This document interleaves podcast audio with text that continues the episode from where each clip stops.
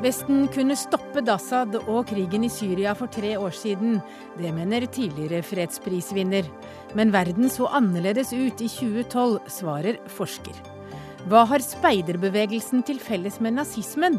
Mer enn speiderbevegelsen liker å tro, mener idéhistoriker. Og jeg klarte ikke å legge sammen to pluss to. Det forteller tidligere pørser som advarer mot livsfarlig søvnmangel blant kabinpersonell på fly.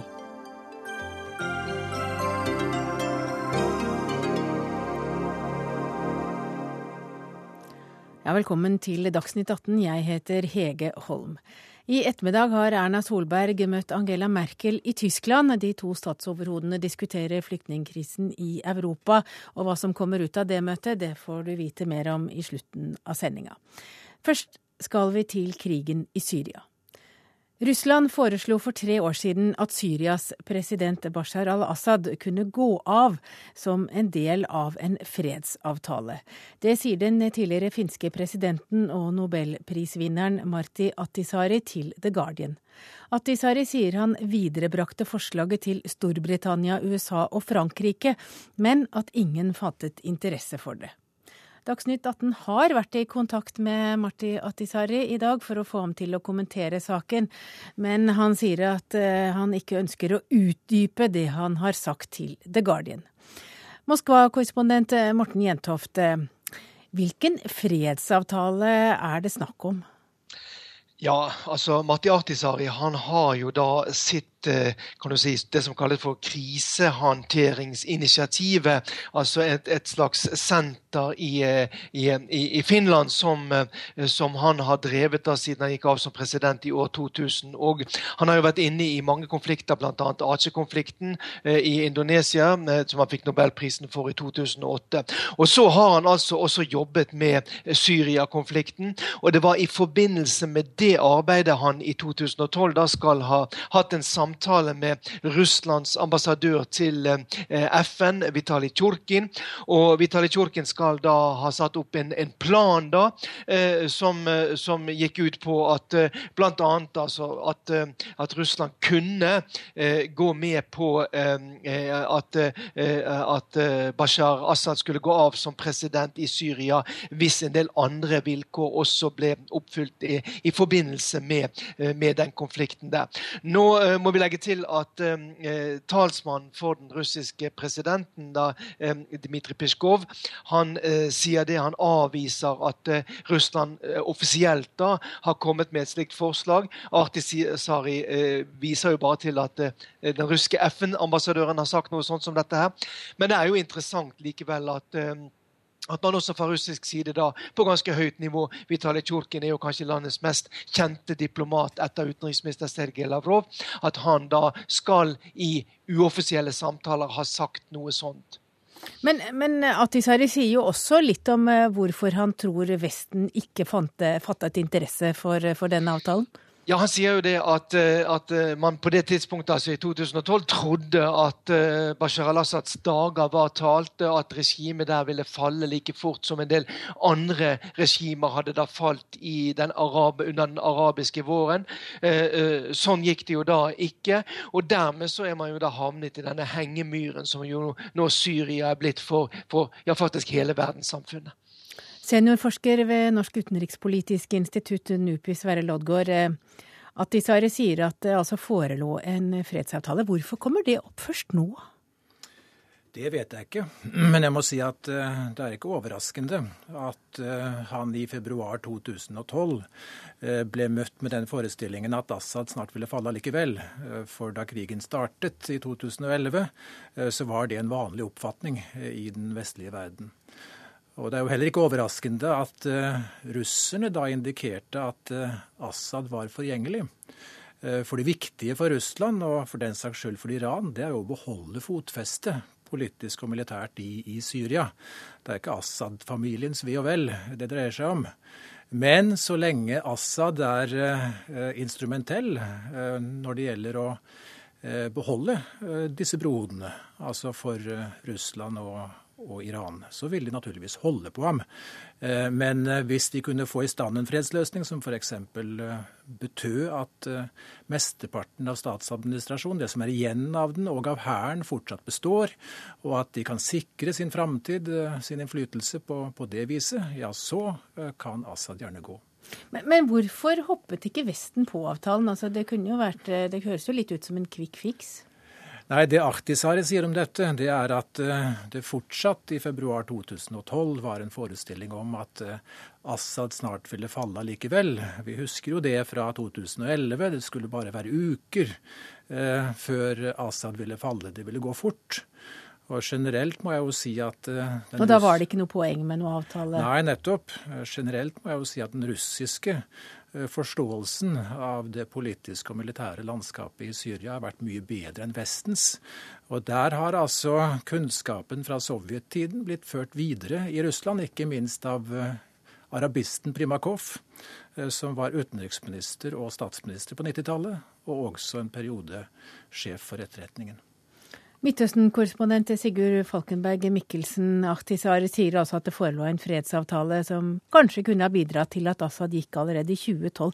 Men, men hvor er det Vesten her eh, Hvorfor tok man så feil?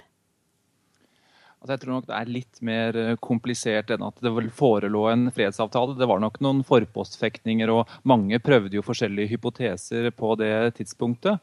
Eh, men det er betegnende for en tilstand eh, som de vestlige landene befant seg i, hvor det ble bedrevet høy grad av ønsketenkning rundt Syria. Og dette foregikk ganske langt ut, selv om det var åpenbart på, i hvert fall for alle oss som var i Syria og som besøkte landet, at Assad ikke kom til å forsvinne på kort tid.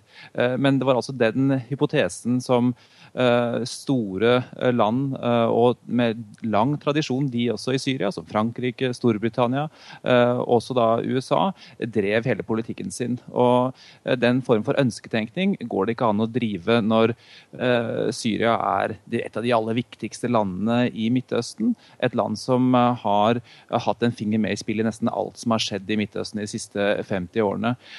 Og det er med, har vært med på å skape den situasjonen som Syria er oppi nå. Det er ikke Vestens feil alene på noe som helst måte. Er, eh, det er mange aktører her. Og det er hovedaktørene selv som har hovedansvaret. Eh, men Vesten har altså ikke hatt noen enhetlig strategi. Og det har heller ikke vært noe samsvar mellom eh, retorikk, altså voldsomme, det voldsomme øh, og også ofte adjektivrike Eh, måten de ba Assad, eller krevde at Assad eh, skulle gå av, og da den politikken de har ført. Hvor de f.eks. Har forsøkt å støtte den politiske opposisjonen, det gjorde de de første årene, eh, som viste seg fullstendig feilslått. Sånn at det har vært ført en, etter mitt skjønn, ganske amatørmessig utenrikspolitikk i Syria. Men, men Lodgaard, du sier jo også det at Vesten skjønte ikke, men, men, det hang jo også veldig sammen med den arabiske våren. Og jeg vet ikke om Sigurd Falkenberg Mikkelsen gjorde det, men veldig mange reportere beskrev jo Assad liksom, og satte han i samme familie som eh, ledere som allerede var felt, som Saddam Hussein, Gaddafi. Ja, det kan jo ha bidratt, for eh, det gikk jo veldig fort i Tunisia og i Egypt med å fjerne de gamle statslederne der. Eh, så da trodde vel mange at det kunne gå veldig fort i, i Syria også. Eh, men det kunne man altså tro bare hvis man ikke hadde grundigere bakgrunnskunnskap. så det trodde ikke du, Loddgaard? Vel, jeg hørte jo på russerne. Jeg hørte også på iranerne, eh, som også hadde et, et, en mye mer realistisk lesning av situasjonen i, i Syria. Og Iranere sa jo flere ganger at det er ikke så enkelt som at Assad forsvinner med det første over natta. Og de hadde jo rett i det. Men hva skal til nå, Sverre Loddgaard? Ja, det eh, kan man jo fabulere om. Eh, hva slags løsninger man, eh, man kunne få. Jeg skal bare si én ting, og det er at det er mye som ligger til rette nå for at også Russland og Iran blir med i samtalene om, om Syria. Det er jo en alminnelig oppfatning, alle FN-representanter f.eks. til Syria understreket det, at disse landene må med. Og atomavtalen med Iran har jo åpnet for, så smått, at Iran kan delta, og den legitimerer for så vidt en iransk deltakelse. Og når det gjelder Russland, så er jo Russlands forhold til Vesten nå i ferd med å normaliseres. Russerne sier de har fått signaler fra USA om at USA vil reparere forholdet. Europeerne står på hodet i en flyktningkrise som de ikke mestrer. Og da blir det viktig å sanere annet konfliktstoff, fjerne det som kan fjernes. Hollande og mange europeiske ledere tar til orde for eh, heving av sanksjonene. Det er naturligvis russerne interessert i. I denne måneden har eh, våpenhvilen eh, i Ukraina holdt for første gang siden den formelt ble, ble erklært. En rekke forhold tilsier at omkostningene ved det diplomatiske sammenbruddet som fulgte etter, etter krisen i, i Ukraina, Eh, det begynner nå å koste så mye at alle de større hovedstedene er innstilt på at eh, dette må tilbake til normalen. Og slik har det vært mange ganger før også, opp gjennom årene, at eh, overgangen fra krise til ny normalitet har gått fort. Jeg tror vi er på vei i den retningen. Og i så fall så tilsier det også at Russland blir med på mer meningsfylt vis i samtalene om Syria. Ja, Morten Jemtoft, eh, vi vet jo at Russland eh, støtter altså den sittende president Assad i Syria med det Putin kaller militærteknisk assistanse. Tror, hvilken rolle tror du Putin kan spille for å få fred i Syria? Ja, eh, det er jo det som mange spekulerer i nå, og som Sverre Loddgaard var inne på her nå. Så er det et stort spill på gang nå, der ting skjer relativt uh, fort. Uh, president Putin skal snakke i FN 28.9. Det snakkes nå om et toppmøte mellom Barack Obama og Vladimir Putin, også i forbindelse med at Putin i år for første gang på svært lenge har valgt å ta turen til New York. Sånn at det er helt tydelig at russerne nå spiller det syriske kortet for alt det det er verdt. De bruker sin innflytelse i landet. Eh, de styrker sin militære tilstedeværelse for å sikre at eh, Bashar eh, Assads regime ikke går på et raskt nederlag, i hvert fall. Og bruker også sin militære tilstedeværelse til å tvinge seg til en plass da ved et mulig forhandlingsbord, en mulig løsning da for, for Syria. Så det blir veldig interessante uker framover nå på den storpolitiske, diplomatiske arena. Og det er jo ikke bare Russland, for i nyhetene i dag kunne vi altså høre at Australia har gjennomført sitt første flyangrep mot IS i Syria. Selve angrepet skjedde for to dager siden, og Asia-korrespondent Peter Svaar, hvorfor gjør Australia dette? overflaten så kommuniseres jo dette til uh, australske velgere med at dette har med situasjonen uh, Australias frykt for fremmedkrigere på hjemmebane å gjøre. Det har med flyktningstrømmen å gjøre, hvor Australia i forrige uke forpliktet seg til å ta inn uh, 12 000 syriske flyktninger. Og Det gjør at Australia på tross av geografisk avstand gjør ganske like vurderinger på akkurat disse områdene som det europeiske land gjør. Eh, så er det også eh, hensynet til Australias mangeårige krigføring i Irak. Det er jo en konflikt som nå har skvulpet over grensen til eh, Syria. IS er til stede på begge sider av den irakisk-syriske grensen. Og hvis man kan bombe mål også i Syria, så blir den krigen man allerede har ført i området i mange år, mer slagkraftig. Hvis man også kan følge IS-mål eh, over eh, grensen. Og så er det det faktum at eh, tidligere statsminister Abbott ble spurt av president Obama om å bidra. og han som statsminister markerte seg jo ved å legge seg tett opp til USAs ønsker i spørsmål om militære bidrag, så det har også spilt en rolle. Eh, hva betyr det at Australia nå hiver seg inn i kampen mot IS? Hvor langt har de tenkt å gå? Ja, Først og fremst blir det jo spennende å se hvordan den nye statsministeren i Australia har tenkt til å håndtere dette. For de første australske bombeflyene gikk på vingene på mandag, og det var jo dagen hvor Tony Abbott helt overraskende ble eh, veltet som partileder eh, i et mistillitsvotum. Nå skal Malcolm Turnbull på, troppe på som eh, statsminister eh, over helgen. Og Det er ingen tvil om at det her er politisk forskjell på Abbott og Turnbull. Senest for litt over en måned siden argumenterte f.eks. Abbott med at IS eh, kommer og tar oss, som han kalte det, om vi ikke slår til mot dem først. Mens Turnbull har argumentert med at man ikke må la seg blende av IS og organisasjonens spektakulære propaganda.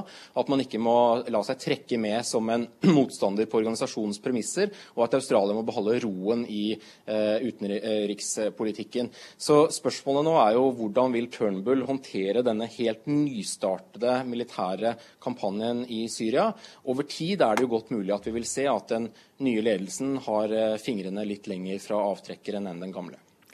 Og Sverre Loddgaard, her hører vi det er mange som har interesser i å få slutt på, på konflikten i Syria, men er vi nærmere en løsning? I hvert fall for så vidt som det ligger an til bredere samtaler med Russland inne, og også, og også Iran. Og jeg tror Morten Jentoft har veldig rett i at uh, russerne satser på å beholde sitt brohode, også med tanke på framtidige uh, forhandlinger. Dette er uh, Russlands eneste brohode inn i Midtøsten. Og Putin, som alle vet, er veldig interessert i å gjenreise Russland som en stormakt i internasjonal politikk. Takk til deg, seniorforsker ved Norsk utenrikspolitisk institutt, Sverre Loddgaard. Takk også til Morten Jentoft, Peter Svaar og Sigurd Falkenberg Mikkelsen.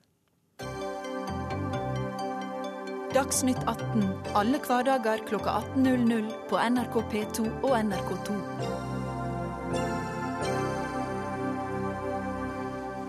Ja, etter Miljøpartiets brakvalg er det mange som nå lurer på om partiets ordførerkandidat i Oslo, Shoaib Sultan, fortsatt mener at homofili er synd. I 2007 uttalte Sultan at homofili er en synd fordi Koranen forbyr det. Senere har Sultan moderert sin argumentasjon og har sagt at han ikke vil mene noe om hvorvidt homofili er synd, da dette er et teologisk spørsmål. Men i ettermiddag har Sultan innrømmet overfor Aftenposten at han har vært utydelig, og sier nå at homofili ikke er synd. Vi skulle gjerne hatt med oss Shuaib Shoaib Sultan i Dagsnytt 18, men han hadde ikke mulighet til å stille. Men Geir Kvarme nybakt bystyremedlem i Oslo for Høyre. Du, til, du, fikk til og med vite det på veien hit, at du nå sitter i bystyret. Gratulerer. Ja, takk for det. Mm. Men du opplever at Sultan eh, ikke er troverdig når han eh, driver og endrer argumentasjonen. Hva er det som ikke er troverdig? Altså, Hans ståsted i forhold til homofili det syns ikke jeg er det problematiske. Det er mange, både i teologiske miljøer og andre miljøer, som uh, ikke har sammenfallende syn på homofili som det jeg har. Men det som jeg har reagert på, er på en måte prosessen fram uh, til den erkjennelsen han kommer med nå, den avklaringen han kommer med. Og det syns jeg er på en måte noe vi ser uh, litt for ofte i politikken. At man har en uttalelse som på en eller annen måte enten står i konflikt med eller kan skape problemer med en posisjon.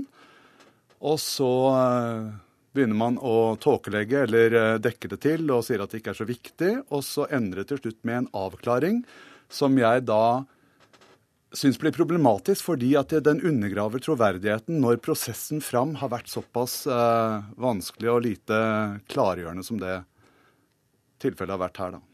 Frank Rossavik, du er politisk redaktør i Bergens Tidende. Du har skrevet på Facebook i dag at du misliker denne klappjakten på Shoaib Sultan fordi han angivelig muligens mener at homofili er synd.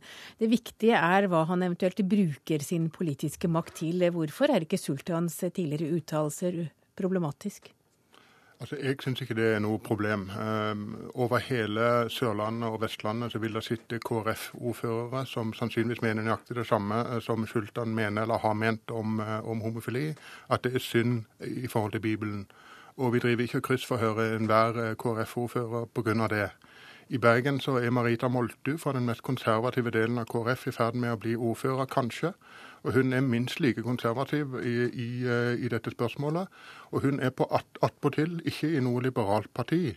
Eh, Shoaib Sultan eh, har, eh, har, engasjert seg i det mest liberale partiet i Norge i homopolitikk, ifølge LLH.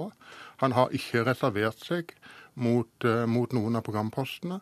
Han har engasjert seg, eh, han har vært på Skeive dager, han har engasjert seg overfor skeive innvandrermuslimer. Uh, og, og, han har i det hele tatt gjort en hel masse som er riktig, da, i gåseøyne. Men han skal drive klappjakt på. Og det syns jeg er litt, litt, urovekkende. Hvorfor akkurat han? Jeg, jeg, mener det, det, må være fullt mulig å, å, å være annerledes som politiker, og så eventuelt ha et privat rom hvor man har et trosliv som ikke nødvendigvis virker inn på politikken. Ja, jeg er enig i mye av det som Røsvik sier her. Eh, mitt poeng er at eh, det er ikke selve standpunktet som jeg syns er problematisk, men det viser jo, denne eh, historien viser jo at det til slutt presser seg fram et behov for å avklare dette her. Og det sier meg at det er et eller annet med Men syns du det er viktig? Altså, ettersom han da en dag for lenge siden, i 2007, har uttalt seg om homofili? Altså Som ordfører i Oslo så skal du på en måte være en samlende person. Og du skal ikke bare være fagteknisk, du skal også være en bærer av verdier. Jeg syns ikke det er helt uinteressant hva man som eh, menneske står for, sånn rent verdimessig. Men når det er sagt, så syns jeg på en måte heller det ville vært interessant å høre hva som er bakgrunnen for den eventuelle endringen han har gjort som menneske og politiker, fram til å i dag si at han, tar, uh, at han tar avstand fra uttalelsen om at det er en synd. Det syns jeg på en måte er en interessant historie. Uh, den erkjennelsen nå av at uh, han ikke syns homofili er synd, den syns jeg bærer mer preg av et politisk rådgiverkorps. Og derfor så syns jeg den undergraver troverdigheten i det. Fordi at jeg tror ikke helt på det. Jeg tror den er presset fram fordi han nå sitter i en posisjon til å kanskje bli ordfører i Oslo. Og da er det på en måte allment sett som litt uforenlig å ha disse eh, synspunktene. Det er litt vanskelig for verken Geir Kvame eller meg å vite nøyaktig hva han mener, og hvor sterkt han mener det han sier nå. Men det jeg er litt urolig for, er jo at eh, den, eh, den avklaringen da fra eh, Shoaib Sultan som har kommet nå, den kommer som følge av en ganske intens klappjakt på han i Facebook og, Twitter og mediene de siste dagene. Og, og, og, det jeg også frykter, er at han nå kanskje kan ha fått undergravd sin troverdighet i det muslimske miljøet, og at han ikke lenger vil kunne eh, operere som en positiv kraft internt i det muslimske miljøet overfor eh, homofile muslimer. Eh, det er jo neppe noen tvil om at eh, hvis man leser Koranen eh, bokstavelig, så, så, sier den at, at, homofili er synd, på samme måte som Bibelen lest bokstavelig sier at homofili er synd. Så han har egentlig bare konstatert et faktum når han sier at, er, at homofili er synd i forhold til Koranen. Det som er problemet nå, er at vi ikke aksepterer annerledeshet. Og at, og at hvis uh, sultanen er blitt pressa til dette, så kan det ha skjedd mer skade enn gang. Nei, men jeg synes på en måte, I det øyeblikket han mener at Eh, den uttalelsen ikke står i konflikt eller er problematisk i forhold til den posisjonen han inntar i politikken, så syns jeg det er hans oppgave å eh, kunne på en måte fortelle historien om hvorfor ikke det er relevant. Det syns jeg ikke er gjort på en god måte. Det har heller vært en slags sånn eh, Han har ikke villet kommentere det, og så endre med at Aftenposten klarer til slutt å presse fram en uttalelse om at han har endret syn på det. Og jeg syns det er positivt. Jeg ønsker ikke å kon konservere folk og binde folk til masta politisk. Jeg synes det er helt legitimt å forandre mening. Det har mange gjort. Og det, det, er bra i politikken at man sier at 'jeg har endret meg'. Men jeg syns på en måte historien fram dit, den, den, blir ikke helt troverdig når man drives fra skanse til skanse, og til slutt så endrer med å si at eh, 'jeg har endret uh, Og jeg vil tro at det er en del som er enig med Kvarme Rossavik, og det betyr jo at klappjakten jo kommer til å fortsette. Nei, altså Nå har jo eh, nå har jo Shoaib Sultan rykka ut og sagt det politisk korrekte, så nå kan jo folk hisse seg ned igjen.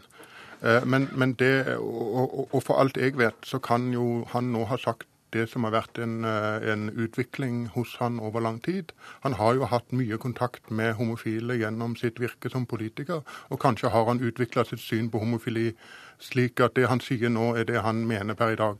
Det må vi håpe, og det må vi tro. Eh, men jeg er jo bekymra for hvis noe annet skulle være tilfellet, og hvis det skulle være et resultat av en sånn klappjakt som vi har sett. Så du mener at dine kollegaer i pressen skal slutte å spørre Sultan om eh, spørsmål om hva han mener om homofili, og hvorfor han har endret oppfatning? Nei, men jeg synes at i så fall så skal de også uh, stille spørsmål til uh, alle mulige KrF-ordførere som også sitter rundt omkring i kommunene, og som sannsynligvis er mye mer uh, konservative enn Sultan noensinne har vært i dette spørsmålet, og som, og som, og som godtas som såkalt samlende ordfører rundt omkring.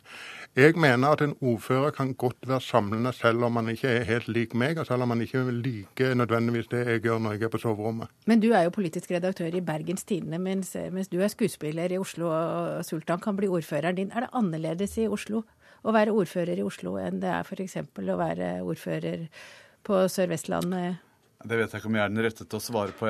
Nei, men for deg er det viktig Altså, Jeg eh, snakker om et troverdighets, autentisk troverdighetsfenomen. Eh, jeg vurderer det kanskje litt som skuespiller også. Er dette troverdig? Tror jeg på dette her? Og jeg tror ikke helt på dette her. Og, det kan godt, og jeg håper på en måte at han har eh, kommet til en endring i sitt syn. Det ville være på en måte til fordel for veldig mange, men eh, ikke minst i hans eget muslimske miljø. Men jeg syns det er veldig viktig å tro på politikere. Og slike historier som vi har sett før, de mener jeg undergraver integriteten i politikken. Og ettersom du er nybakt politiker i Oslo, så vet du at tillit er noe av det viktigste. Ja, og jeg stiller meg for hogg. Sitter litt tynt nå, det vet jeg. Takk til Geir Kvarme og Frank Rossavik.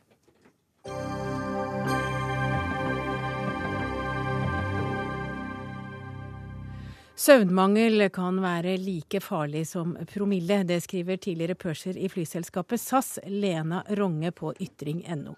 I morgen starter ankesaken mot den promilledømte kapteinen på Air Baltic-flyet. Og Lena Ronge, du, kommer, du, kom fra Bangkok, og på veien hjem fra Gardermoen, da satte du deg i bilen. Du satte bilen i revers. Du husket ikke helt hvordan du skulle tørke deg når du var på do, og du slet med å legge sammen to pluss to når du kom hjem til sønnen din og skulle hjelpe han å regne. Hva var det som hadde skjedd? Eh, jeg tror det er veldig viktig å skille mellom to typer trøtthet, faktisk. Fordi at eh, det ene er når man er trøtt fordi man har litt underskudd på søvn for en liten periode, at man har mye å gjøre på jobben eller hjemme. Eh, men fatigue, som jeg tydeligvis da var, eh, var veldig preget av, det, var, det er mer en langvarig mangel på søvn. da. Eh, Hva er det du hadde gjort eh, i forkant, før jobbet, du glemte hvor mye to pluss to var? Jeg hadde jobbet fire netter på rad, og jeg tenker at det, det, i seg selv tror jeg ikke var utslagsgivende. Det var nok mer det at jeg hadde jobbet over veldig lang tid med manko på søvn, da og over eh, tids, eh, tidssoner. Mm. Sånn at eh, jeg tror at når man har den trøttheten over veldig lang tid, så, så kjenner man til slutt nesten ikke at man er trøtt. Man vet ikke om man er trøtt eller kvalm eller hva man egentlig er, liksom. Så, Fikk du ikke noe forvarsel før du Nei, ingenting. Ingenting. Jeg bare mistet på en måte de automatiske tingene som man er veldig vant til at bare går av seg selv, da. Hvorfor er dette farlig? Eh, det er jo farlig fordi at vi, eh, når vi jobber om bord, så er vi veldig drillet på sikkerheten. Det ligger skikkelig i ryggmargen hos oss. Vi vet at vi skal ha passasjerene ut på 90 sekunder hvis det skjer noe om bord. Eh, og vi må evakuere. Og vi, ja, vi, har de der refleksene som går på automatikken. Da. Og da begynte jeg selvfølgelig å tenke at hva skjer hvis det skjer noe om bord, og jeg plutselig ikke vet om jeg skal ta på tannpasta før eller etter jeg har pussa tenner, liksom. Da, da, ville det jo skjedd noe selvfølgelig med den ryggmargsrefleksen også. Er det ofte dere jobber så mye, og det egentlig skjer uten at du merker det? At du er eh, utslitt? Eh, det vet jeg ikke. Nå er det, nå er det, en stund siden jeg har jobbet, men jeg har jo kontakt med veldig mange kolleger fremdeles. Og, og det er jo ikke sånn at utviklingen har gått eh, gått helt riktig vei, eh, sånn som jeg ser det i hvert fall. da. Eh, man jobber mye mer, og man har mindre hvile eh, pga. det presset som er utenfra om å tjene penger. da. Ja, Rolf Bakken, du er pilot og du er sjefsflyger i SAS, selskapet hvor Ronge jobbet som purser. Og du er også ansvarlig for rammevilkår og sikkerhet på flyene i SAS. Og er det mange av de ansatte som opplever det Ronge opplevde? Eh, nei, det er eh, faktisk ikke det. Eh, det er klart at et økt press i industrien i dag, det er det. Vi flyr mer. Det er hele tiden et høyere krav om, om økonomisk bærekraft. Regelverket er vel kanskje det aller, aller viktigste rundt den delen av det. Altså Vi opererer jo innenfor et regelverk. Og I tillegg til det så legger man på noen barrierer eh, som gjør at man har en buffer til ytterkant av regelverket. Ja, hvordan fungerer det? Altså, for Nå forteller jo Ronge at hun visste jo ingen, ja. hun kjente jo ikke på seg før hun plutselig Nei. bare oppførte seg helt ko-ko. Og det er veldig veldig spesielt. Vi har jo et veldig veldig nært samarbeid i cockpit og i kabinen. Eh, hvis vi skal ta litt fakta først. altså Antall rapporter, fatigue-rapporter i, eh, i, i, SAS i måneden, så snakker vi cirka, i Norge for norske piloter ca. én til to Eh, rapporter, unfit-rapporter som vi kaller det, i måneden. Men det er også sånn at hvis man har en høy belastning over lang tid, så, så vil vi også som kollegaer normalt oppdage Vi er ganske gode på å passe på hverandre. Eh, det som kanskje er det aller, aller viktigste, er jo at hver enkelt individ er nødt til, og vi er helt avhengig av, at de selv sier ifra når de ikke er fit for flight. Så lenge vi er innenfor det regelverket og de rammene med den marginen som vi har da til, til det regelverket. Og Der ligger litt av sikkerhetsventilen. Eh, og Samtidig så prøver jeg også å si da at vi er ganske gode til å ta vare på hverandre i cockpit. Og, og blir man sliten og trøtt, ja, så skal man gå av flyvningen. Men det er klart det er et veldig spesielt tilfelle. Vi har ikke så mange dokumenterte sånne tilfeller. Er du et helt spesielt tilfelle, Ronge? Eh, nei, jeg tror jo ikke det, da. Altså... Jeg eh, har jo fremdeles mye kontakt med kolleger, og det er veldig mange som kjenner seg igjen i akkurat det jeg beskriver. da. Ja, og Det er jeg jo enig med deg i. At altså, det med økt arbeidstid, belastning, eh, at man har det å sette en bil i revers, eller at man på en måte mister litt av kontrollen på daglige, de daglige gjøremål, det er ganske uvanlig, tror jeg. Uh, ja, det, vi kjenner litt, jo ikke Nå skal vi høre, for vi har med oss en søvnforsker. Er det ja. så umulig, eller er det så uvanlig å miste litt eh, kontroll over de hverdagslige tingene? Øystein Wedå, du jobber ved Universitetet i Bergen og forsker på søvn og skiftarbeid. Ja, jeg vil si at begge de to her har litt rett i det de sier. Sant? Eh, sånn I utgangspunktet så har vi en fantastisk evne til å tolerere mangel på søvn. og vi vi vil vanligvis fullt ut være i stand til å kunne gjennomføre daglige gjøremål, selv om vi har sovet lite og, eh, men det er sånn at uh, det søvnmangel gjør, at den, den, svekker prestasjonsnivået på uh, oppmerksomhetskrevende og monotone oppgaver. Uh, og det er det som blir regnet som det viktigste helseproblemet knyttet til søvnmangel. Uh, Bl.a. fordi nedsatt oppmerksomhet og forlenget reaksjonstid er sånn som, som typisk øker faren for, for bilulykker eller ulykker generelt. Men hvor mye er, hva er søvnmangel? Altså det er veldig individuelt. Det varierer jo veldig Eh, hvor masse folk trenger å sove. og eh, så Derfor er det viktig at en ikke vurderer søvnen sin ut ifra hvor mange timer en sover, men heller ut ifra kvaliteten på, på søvnen. Det, det som, er, som, vi er bekymra for da, og jeg er jo helt enig i det eh, som blir sagt her, det vi er bekymra for, er jo utviklingen videre framover. Det er jo et press i industrien. Det er et ønske om å øke antallet timer vi kan fly, og nå er det et nytt regelverk i, som EASA har gitt ut. Og det er klart at de, det gir da en mulighet til å produsere mer.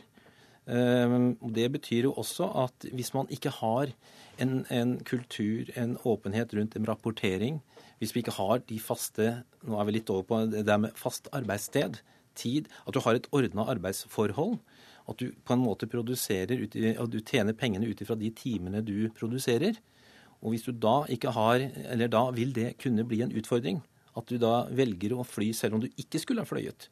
Ellers så får du ikke den inntekten. Ja, Du nikker, Ronge. Er det sånn at eh, du vet at egentlig så er du helt på grensa, men eh, Nei, nei, nei, jeg nikket ikke derfor. Jeg nikket fordi at eh, det er klart det er utrolig viktig å ha et arbeidsforhold som er trygt. Eh, som gjør at du kan rapportere uten at det får noen følger, altså noen avstraffelser. da. Eh, men, men, det er jo flere ting her. Og, og, for det første så har du en, en, veldig lojalitet til passasjerene, faktisk.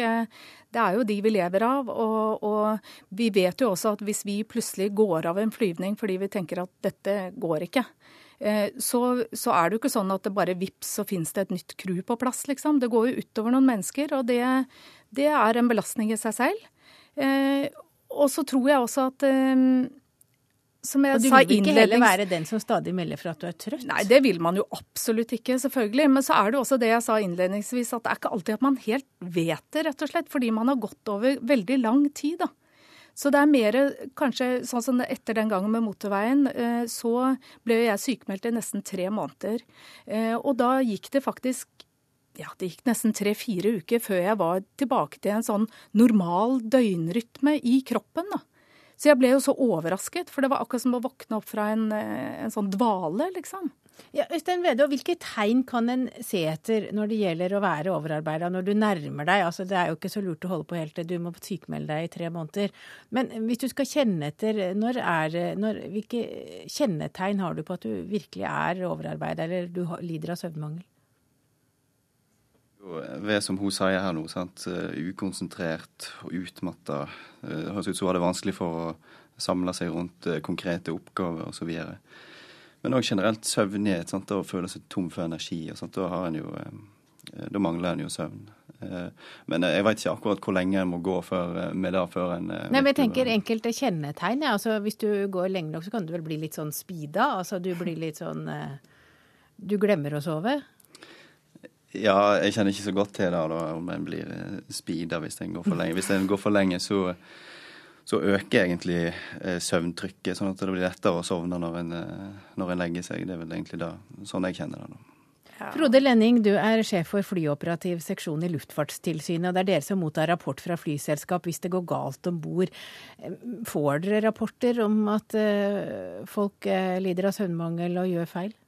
Vi får noen, men Flesteparten av rapportene de eh, beholder flyselskapene. De har ikke rapporteringsplikt på fatigue-rapportene før det nye rapporteringsdirektivet eh, trer i kraft eh, våren til neste år. Og hva er det det sier? Ja, Det gir Det lister altså opp fatigue og trøtthets symptomer som kan påvirke flysikkerheten, som et av de elementene som blir rapporteringspliktig da, etter det nye direktivet. Som kan du være litt konkret der? Ja, altså eh, I dag, hvis en pilot eller en kabincrew føler at eh, man under flyvning f.eks. Eh, er så sliten at man er en fare for sikkerheten på en eller annen måte, så skal det rapporteres. Da blir det rapporteringspliktig, også til myndigheten. Og da er det den som føler seg litt utafor, som skal rapportere og si at nå, ja, altså den, nå burde jeg ikke vært i flyet? Nei, altså det, det, er jo flere typer rapporter. da. Altså man, eh, Rolf Bakken var så vidt innom dette her med unfit-rapporter. Altså Hvis man ikke er eh, fit for flight, så, så, er det mange selskaper som har da et system hvor eh, den ansatte rapporterer til selskapet, slik at de kan gjøre tiltak i forhold til det. Det skal være en såkalt non-punitive rapportering, altså uten noen tiltak fra selskapet overfor den som rapporterer, for å si det sånn. Dette vi snakker om nå, som i forhold til det nye direktivet, det er uh, utgangspunktet rapporter av hendelser som oppstår under tjenesten, da, hvor man, uh, man, er i en fatigesituasjon under tjenesten. Her hører vi om uh, nye regler og et nytt direktiv, Lena Ronge. Tror du, tror du, at det vil hjelpe? Tror du flere vil si fra? Mm, Nei, jeg tror vel egentlig ikke det. For at, uh, sånn som jeg har forstått det, i hvert fall, men der må du uh, Du vet egentlig mer om, om uh, disse nye reglene med også økt arbeidstid, da. Som, som kommer Altså, det er jo ikke bare et rapporteringsdirektiv som er nytt. Det som også er nytt, er at EASA, som er EU-kommisjonens kan du si, sikkerhetsbyrå i, i Europa, som dekker en rekke flyselskaper og deres aktiviteter. Og det, det, har jo kommet også med en økning av flytimer. Tidligere kunne vi fly maks 900 timer i løpet av et år, eh, et kalenderår. Nå kan vi fly 1000 timer i løpende tolv måneder. Dette er ikke noe SAS ville ha, for å si det på den måten, men det er drevet fram av eh, kanskje andre eh, selskaper med andre interesser. Og det betyr at det vil bli tøffere i enkelte selskaper. Man kan fly mer, utnytte crew enda mer. Eh, så det er jo den ene siden av det. Den andre siden av det er jo at hvis man da først er i den situasjonen, og, og som jeg sier, det der med faste arbeidsforhold f.eks., at du da har en åpenhet, en kultur, som gjør at crew faktisk enten tør eller økonomisk vil rapportere. For hvis man ikke hvis man, hvis man jobber på timebasis, eller man får lønn ut ifra det man produserer, så, så, vil jo det kunne påvirke rapporteringsvillighet. Og, og, og derfor er det utrolig viktig at man på en måte har den kulturen som, som vi har i SAS. da, som vi, så, sånn sett. Og Samtidig så tror jeg at det er en enorm underrapportering. Eh, fordi at eh, vi vet det presset som er utenfra, og på en måte frykten og det å vite at det står tusen stykker som gjerne vil ha jobben din. Vi slutter her. Jeg tror ikke vi kommer lenger i denne sendinga. Takk til deg, Lena Ronge. Takk også til Rolf Bakken, Frode Lenning og Øystein Vedå. Nå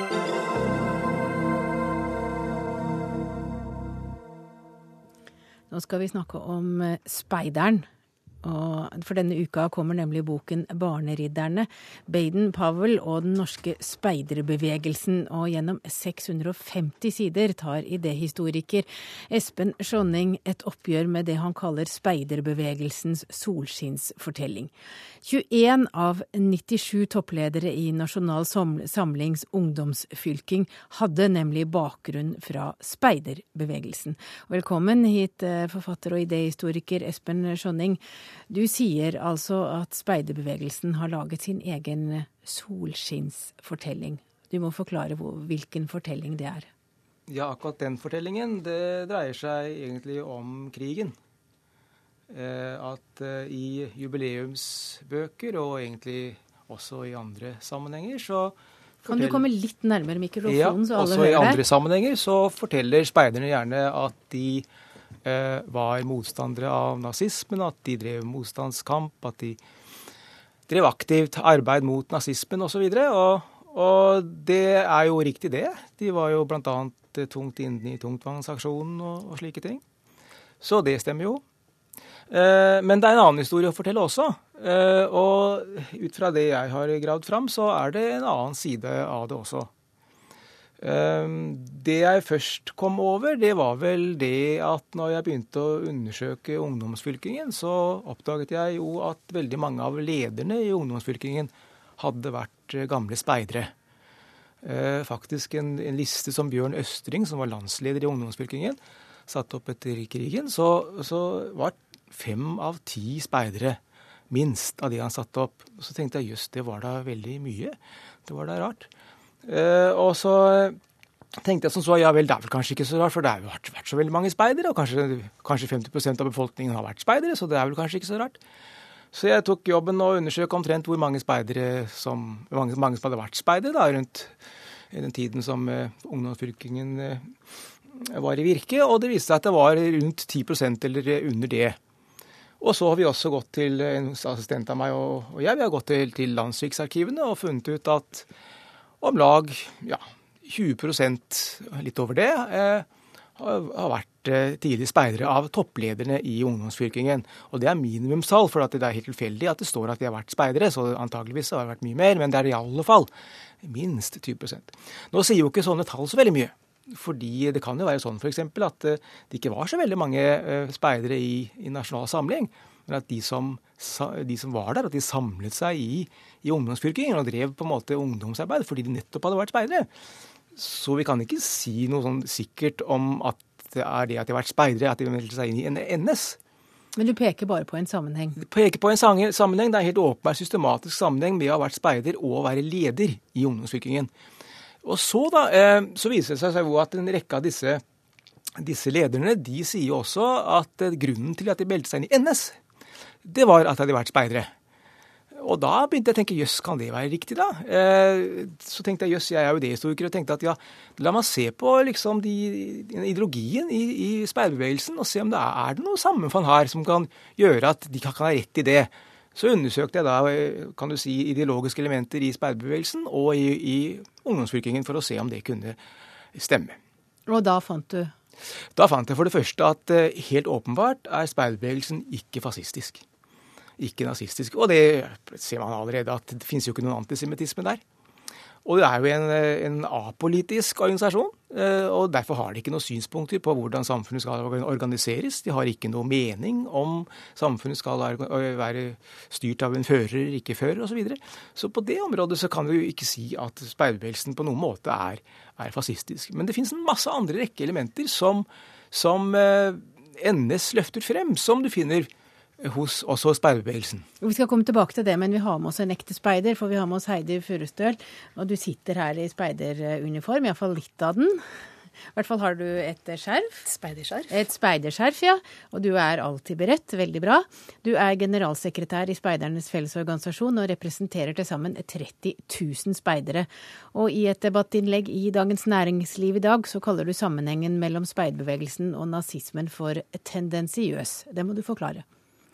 Jeg er veldig glad for at uh, idéprofessor Skånning sier igjen at speiderbevegelsen ikke var fascistisk. Og det er veldig viktig for meg å understreke at speiderbevegelsen har ikke vært fascistisk, og er ikke fascistisk. Og det er heller ikke det jeg vil si, som uh, da uh, Skånning sa i denne artikkelen i DN på lørdag, det er heller ikke en slagside mot fascismen.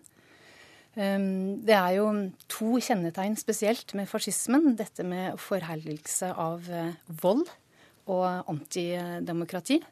Som eh, du overhodet ikke finner i Men at dere har laget deres egen solskinnsfortelling om eh, krigen, det må du jo gi han rett i? Vi har jo ikke laget noe Nei, ikke dere, men bevegelsen du da er en leder i? Vi, vi har jo gitt Skånning full tilgang til alle arkiver. Vi har noe som heter Speidermuseet. Vi har ingenting å, å skjule. Eh, vi er veldig klar over det at hos oss, som det var i andre bevegelser og i samfunnet for øvrig, så var det noen som valgte den rette side, og så var det noen som valgte den, den gale side. Skåning pekte jo bl.a. på tungtvannssabotørene, hvor de mest kjente speiderne var jo Knut Haugland eh, og Joakim Rønneberg. Altså Speiderbevegelsen driver jo uh, mye lederopplæring. og Kan det være det som har brakt mange speidere også inn i lederposisjoner, uh, Skanning? Ja, helt åpenbart. Det kan også være en god grunn. Det kan godt være at det er slik at det er veldig mange eh, tidligere speidere som også var ledere i andre ungdomsorganisasjoner, f.eks. Det kan godt være det. Eh, nei, må, det jeg gjorde, var jo å se på hva som var de ideologiske sammenfallene her. Eh, en ting jeg f.eks. gjorde, var å se på partiprogrammene for alle politiske partier i 1933. Og, og sammenlignet de partiprogrammene med eh, Nasjonal Samling og speiderbevegelsens eh, egen, egen ideologi. Og det viser seg jo at eh, det er jo helt åpenbart at disse andre partiene, eh, verken enkeltvis eller samlet, eh, tilnærmelsesvis har så mange speiderelementer i seg som Nasjonal Samling. Ja, hva mener du da, helt kort, ja, for det sånn nærmer seg slutten? Ja, sånn som offervilje, nasjonalisme, dette med kroppskultur, det at man skal sette, sette landet, foran, landet, foran, seg selv osv. Altså en hel rekke sånne, sånne, ting som vi kanskje ikke tenker på som, som fascistiske, men som var sentrale i, i fascismen. Den voldsomme vitalismen, eh, kroppskulturen, dyrkingen av, av den sterke person osv. Alt dette. Nei, nå rister du på hodet, Ja. nå må du titte full stell. Ja. Det er altså bare for å gjenta du finner eh, elementer som tilsynelatende du mener har en sammenheng her. Men jeg vil bare gjenta. altså Det som virkelig skiller, det er jo dette med voldsforherligelse og antidemokrati.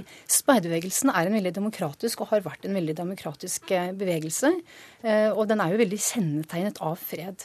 Eh, du snakker jo mye om Baden-Powell. Han var jo nominert flere ganger til eh, fredsprisen eh, da tyskerne skulle lage invasjonsplaner til, til Storbritannia. Så var jo bl.a. Baden-Powell en på listene som de ville ta. Ehm, den internasjonale speiderorganisasjonen WOSM har jo også både i 1933 og 1937 tatt veldig aktiv avstand mot uh, fascismen. Ja, det så, dette her, så, dette her, er uh, det som er så uheldig Men liker du det ikke? Syns du det er ubehagelig? Altså, det, det som jeg syns er uheldig, det er jo det at den statistiske sammenhengen som da Skåning uh, sier at han har, det stemmer ikke. Altså, dette er et sammenfall. Du kan ikke si det at årsaksvariabelen er speiding. Det er mange, mange andre grunner til at han valgte enten rett eller gal side side, men det var ikke speiding. Og Det er helt forundret at du gjentar nå igjen, for statistisk og forskningsmessig så holder ikke dette her. På denne tiden så hadde vi 20 000 speidere. Du snakker om 21 av 97 ledere fordi dere fant 97 eh, mapper i Landsviksarkivet.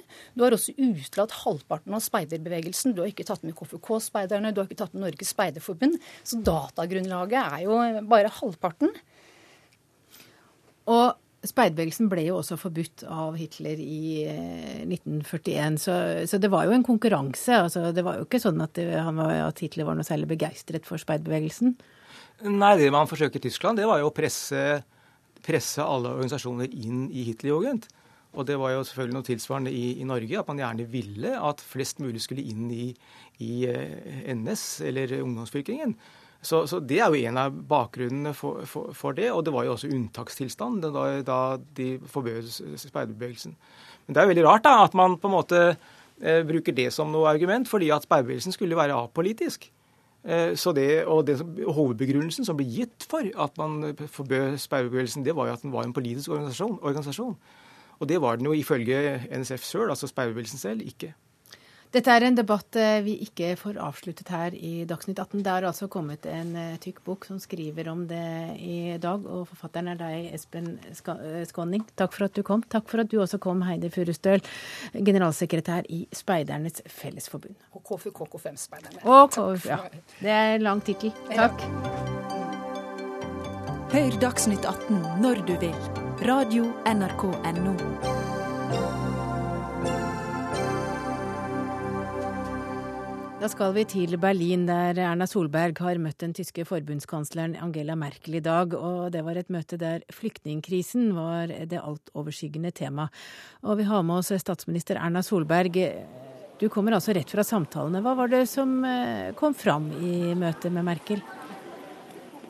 Ja, For det første var det jo flere temaer enn flyktningkrisen som var oppe når vi snakket sammen. Vi har temaer eh, som vi må diskutere. Men det er klart, dette er det, den saken som først og fremst eh, EU baler med. Og for oss er det viktig å vite hvordan EU kommer til å eh, utvikle politikken. Den vil både direkte og indirekte være en rammebetingelse også for norsk politikk fremover. Ja, og Tyskland eh, skal ha uttalt altså at de kan ta imot 500 000 flyktninger i året, for så å skjerpe grensekontrollen. Eh, hva mer sa Merkel om Tyskland og flyktningene? Jeg tror eh, Noe av opplevelsen som, som jeg oppfattet Merkel, er også at eh, den, eh, det man sa som var et anslag på hvor mange flyktninger som ville komme, og at de skulle forsøke å løse det, er blitt til en invitasjon til folk å komme. Og det skaper selvfølgelig særlig store problemer. For det, at, eh, det er jo ikke slik at Tyskland eh, har et system for å ta imot så mange. Og det er en krise som, som også pågår her. I dag har jeg møtt seks Røde Kors-medarbeidere fra Norge som er her nede for å hjelpe Tysk Røde Kors i å sette opp mottaksfasiliteter for alle de som har kommet. Og det, dette er personer som vanligvis har vært i eh, naturkatastrofer i tredje verden, i store flyktning- og krigssituasjoner. Men nå er de altså på vei til München for å hjelpe rundt det. Og det er klart Dette er en vanskelig situasjon for Tyskland også, og det ga også Merkel klart uttrykk for. Nevnte dere noe om Norges bidrag? Vi fikk uh, uoppfordret uh, ros for initiativet knyttet til å lage en donorkonferanse, og at de ønsket å være medarrangører og uh, være med på å invitere til dette. For de mener at det å hjelpe i nærområdene, det å bidra til at, at folk faktisk får hjelp før de må flykte på disse farefulle ferdene, det er kanskje noe av det viktigste vi gjør. Så I så måte så vil nok budskapet forbause litt noen av de andre politiske diskusjonspartnerne mine i forrige uke, om at også Tyskland mener at det å stille opp med mer penger i nærområdene kanskje det viktigste vi gjør. Og Samtidig så skal, være et, skal det være et åpent land, men vi må ha et Schengen-system som fungerer. Og Det var Angela Merkel eh, veldig tydelig på. Grensekontrollen utad må fungere, og så må vi finne varige europeiske løsninger. Takk til deg, Erna Solberg.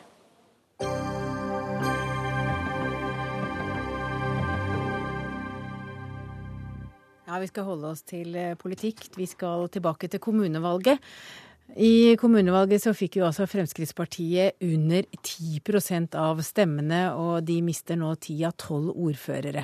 Før sommeren varslet nestleder Per Sandberg at partiets deltakelse i Solberg-regjeringen skal opp på landsstyremøtet i oktober. Nå spekuleres det i om Frp rett og slett har tenkt å trekke seg ut av regjeringen. Og Harald Stanghelle, du er redaktør i Aftenposten, og du skriver i dagens avis at ingen i Høyre ville grått mange tårene om Frp gikk ut av regjeringen, og slik åpnet for en koalisjon med Venstre og KrF. Hvor sannsynlig tror du det er at Frp trekker seg ut av regjeringen? Eh, det er ikke sannsynlig at de gjør det denne høsten. Eh, men et valgresultat som dette, der de på en måte kom under den symboltunge 10 %-grensa, sånt sånn, sånne resultat har en tendens til å skape en egen dynamikk.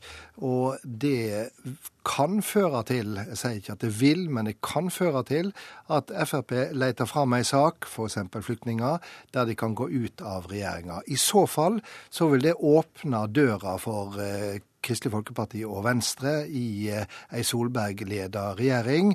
Det vil Høyre se ganske lyst på, ikke minst fordi at de er livredde for tida for at Kristelig Folkeparti skal begynne å lene seg mer mot en svært så inviterende Jonas Gahr Støre i Arbeiderpartiet. Hege Ulstein, du er kommentator i Dagsavisen. Hvor sannsynlig tror du det er at Frp sier takk for seg til regjeringssamarbeid? Jeg tror det er veldig veldig lite sannsynlig så lenge Siv Jensen er partileder. Jeg tror fordi... det kommer en Fordi at hun har investert så mye i dette prosjektet. Eh, både personlig og politisk. Og hvis, eh, hvis, de da under henne trekker seg ut igjen første gang det begynner å butte imot, så, så vil det bety at, eh, at, Fremskrittspartiet har på en måte ikke bestått prøven som et styringsparti. Og det vil, det vil bety mye i, i mange år framover. Så jeg, jeg, tror Siv Jensen er veldig interessert i å, å vise at de kan styre. Og, og da kan de ikke trekke seg nå. Eh, jeg syns eh, Frp-situasjonen minner på, på, en måte litt om SVs SV-situasjonen. og Kristin Halvorsen, som også la veldig mye prestisje i det rød-grønne prosjektet. og var veldig opptatt av nettopp å vise at partiet kunne, kunne, styre over tid. Og det var heller ikke aktuelt for SV reelt å gå ut av regjering så lenge, så lenge hun var partileder. Anders Todal Jensen, du er professor i statsvitenskap ved NTNU. Er det slik at Frp bare rett og slett kan si takk for seg og trekke seg ut av regjeringen på dagen?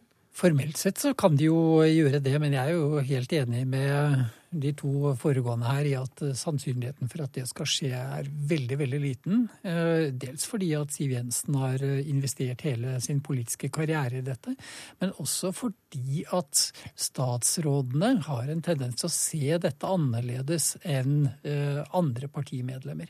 Det handler jo mye om at de ser de små seirene hver dag. De ser at deres bidrag gjør en forskjell. Velgerne der ute ser det ikke uh, like tydelig, og ofte slett ikke. Uh, og sånn sett så har de et slags internt kommunikasjonsproblem. Men hvor vanlig er det i norsk politisk historie at noen har kasta håndkleet midt i en periode?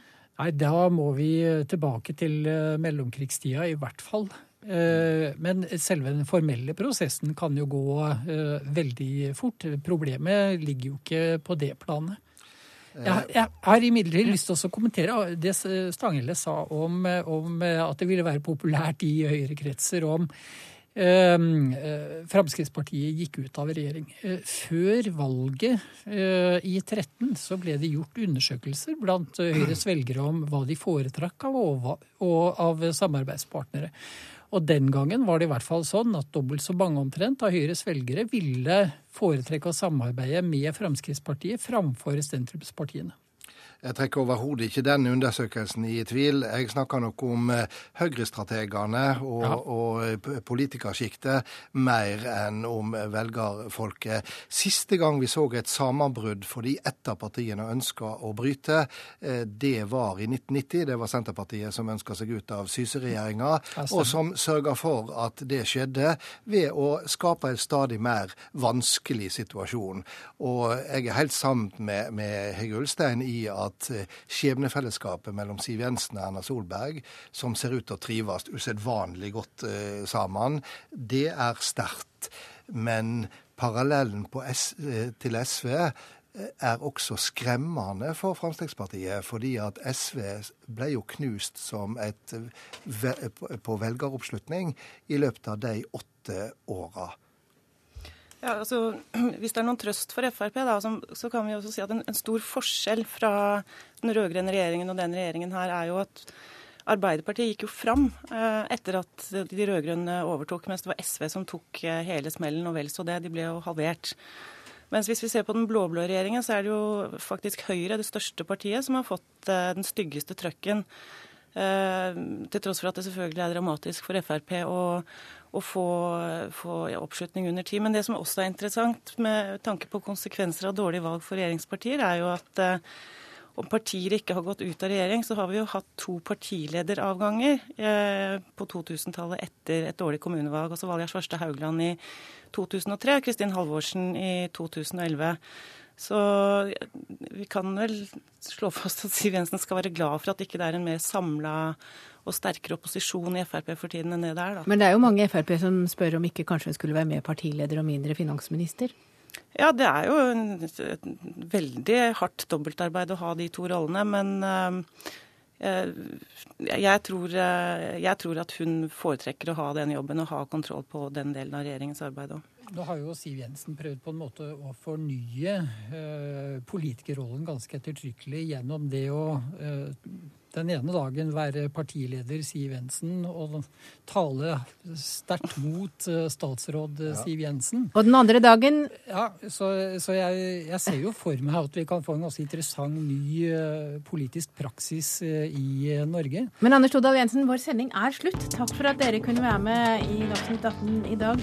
Ansvarlig var Gry Veiby, tekniske ansvaret var ved Guri Finsveen. Jeg heter Hege Holm, og Dagsnytt 18 Dette er NRK P2.